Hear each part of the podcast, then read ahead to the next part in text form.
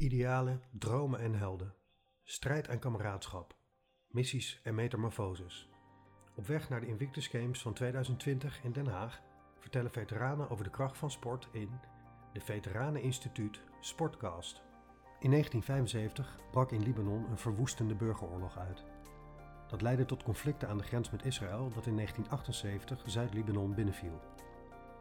Na bemiddeling door de Verenigde Naties sloten de strijdende partijen een akkoord.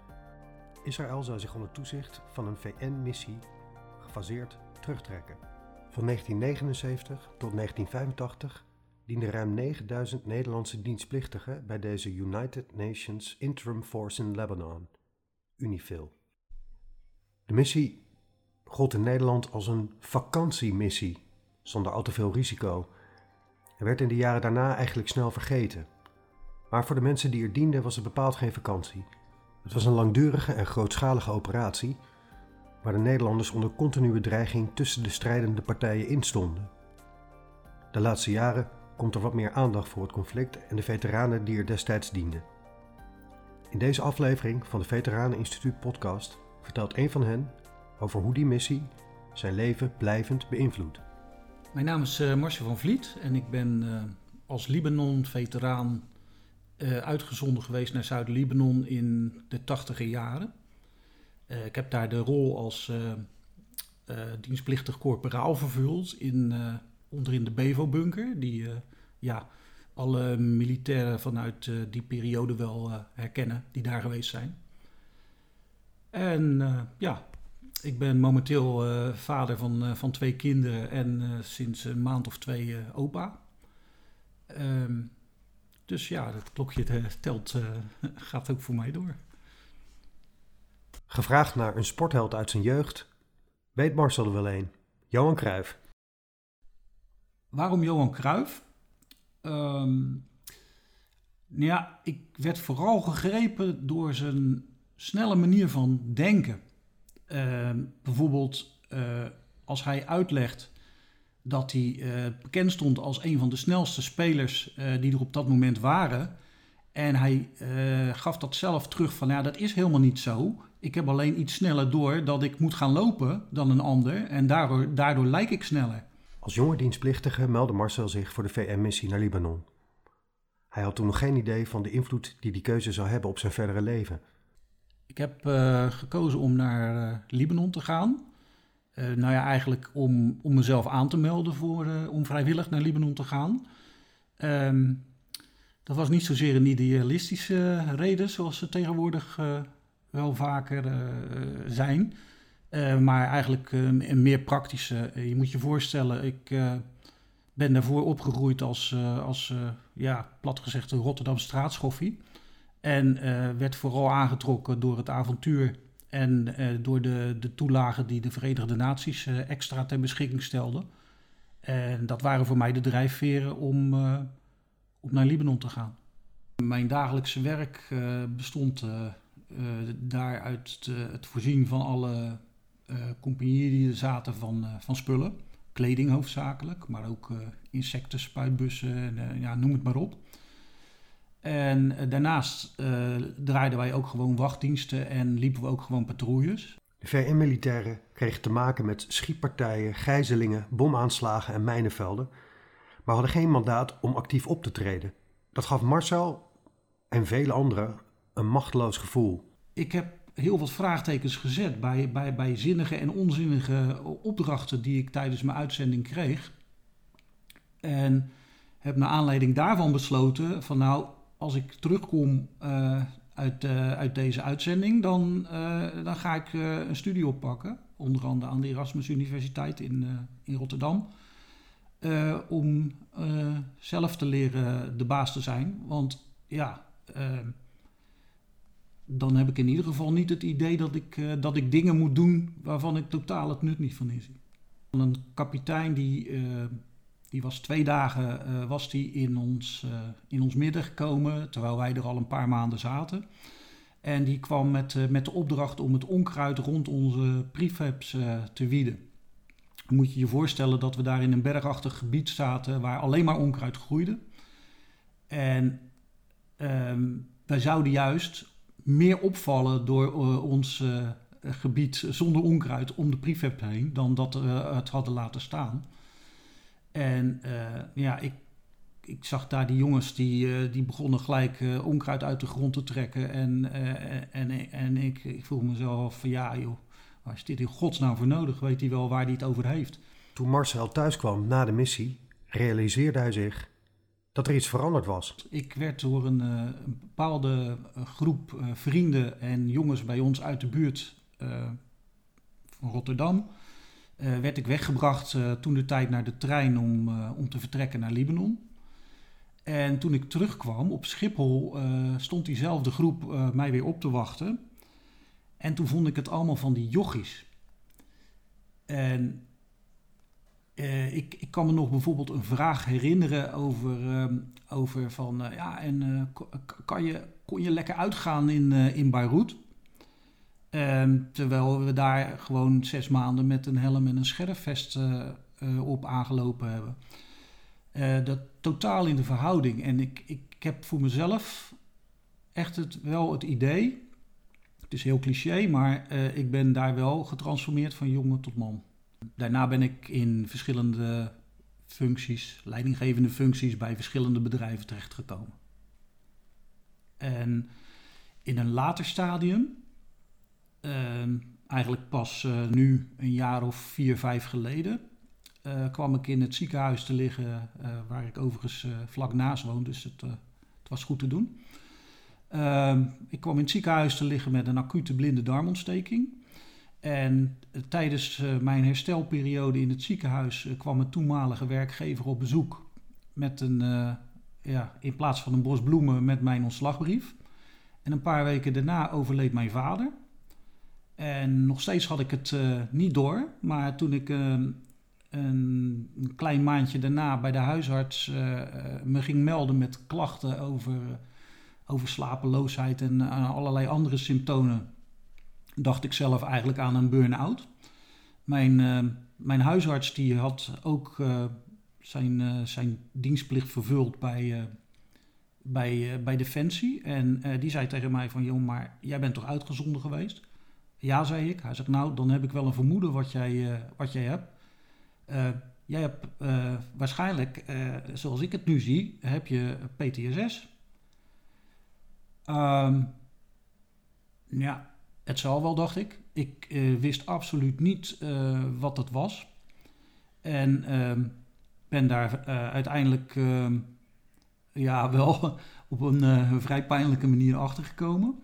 Ik, ik ben daardoor, uh, doordat het getriggerd werd, uh, door een diep dal gegaan. En, maar ik heb wel geleerd dat je het glas als half vol in plaats van half leeg moet bekijken. En ja, alles van de positieve kant moet bezien. Ja, ik, ik, ik heb van nature.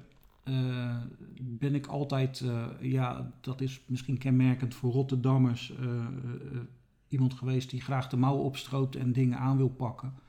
En ik heb het benaderd als een, als een soort project van, nou, hoe kan ik het nou het beste beheersen en leefbaar maken. Ehm, niet alleen voor mezelf, maar ook voor, voor mijn familie en, en, en, mijn vrienden en kennissen. Sport kan een houvast bieden om met de gevolgen van PTSS en depressie om te gaan. Ook Marcel is blij dat hij lichamelijk en geestelijk weer in beweging kwam. Ja, er zijn in Nederland een aantal organisaties die, uh, die, uh, die zich uh, richten op, op veteranen die of lichamelijk of, of geestelijk letsel hebben opgelopen. zo is er ook een, een, een, een club die zich de Wounded Warriors noemt, naar het Canadese voorbeeld. En zij richten zich primair op het op het, uh, op het organiseren van sportgerelateerde activiteiten. Eenszins om, om de veteraan van het bankdrukken af te houden. Dan bedoel ik wel het bankdrukken met de afstandsbediening in zijn handen. Of, ehm, ja, of ze te stimuleren en, en te laten zien dat een lichamelijk gebrek geen beperking hoeft te zijn. In 2016 gaf het Veteraneninstituut een aantal wildcards weg voor de Vierdaagse in Nijmegen. Bestemd voor veteranen. Het was de honderdste Vierdaagse, dus uh, zij, konden de, zij vierden dat op die manier. En ik heb me daarvoor opgegeven en tot mijn verbazing kreeg ik twee dagen daarna al gelijk bericht van nou, uh, jij kan meelopen met een wildcard. En dat was voor mij mijn eerste Vierdaagse. Um, dat heeft er wel toe bijgedragen dat ik me uh, sindsdien uh, door de sport een stuk sterker ben gaan voelen. Al moet ik wel bekennen dat de eerste keer dat ik een vierdaagse meeliep en we gingen door de mensenmassa's heen, dat ik wel naar de hielen van mijn voorganger heb gekeken. om, om te voorkomen dat te veel prikkels binnen zouden komen. Ik heb nu afgelopen jaren heb ik, heb ik voor de vierde keer de vierdaagse gelopen. Het, eh, het is dus echt een, eh, een verslaving. En eh, ik heb hem dit, dit jaar voor het eerst met een internationaal detachement meegelopen. van allerlei ja, militaire veteranen uit, uit verschillende landen. En ik heb me ook wat meer kunnen concentreren. per vierdaagse gaat het beter op het lopen zelf in plaats van het ja, overleven. Maar al klinkt dat wel wat zwaar, maar daar, daar kwam het wel op neer. Ik, moest gewoon van start tot finish doorzien te komen de eerste keer. En dat had ik de, de laatste keer al veel minder.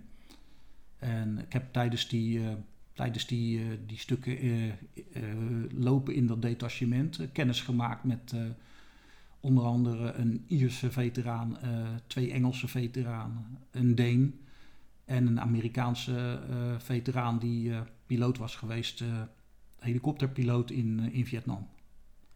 En eh, ja, dan hoor je ook wel ervaringen en eh, ja, het gevoel is er dan wel dat mensen jou wel wat beter begrijpen. Soms zelfs nog beter dan, dan, dan een hulpverlener. En dat, dat, dat gevoel is ontstaan toen ik voor het eerst mee naar Schotland ging. Ik ben twee keer mee geweest. En in de toekomst staat er nog een, een derde reis in de planning die misschien niet naar Schotland gaat, maar naar een ander land. Dat weten we nog niet. Uh, ja, daar loop je met een groep. Ja, intussen mag ik wel zeggen dat dat vrienden geworden zijn. En die hebben aan één blik of één geluid of één signaal hebben die genoeg. ja, dat, dat is wel een waardevolle bijdrage dat ik, die, ik, die ik niet gehad zou hebben als ik niet aan het, aan het wandelen geslagen was. Naast het lopen doet Marcel nog meer om met zijn klachten om te gaan. Onder meer bij het Cine-centrum, een landelijk expertisecentrum voor trauma-gerelateerde klachten en PTSS.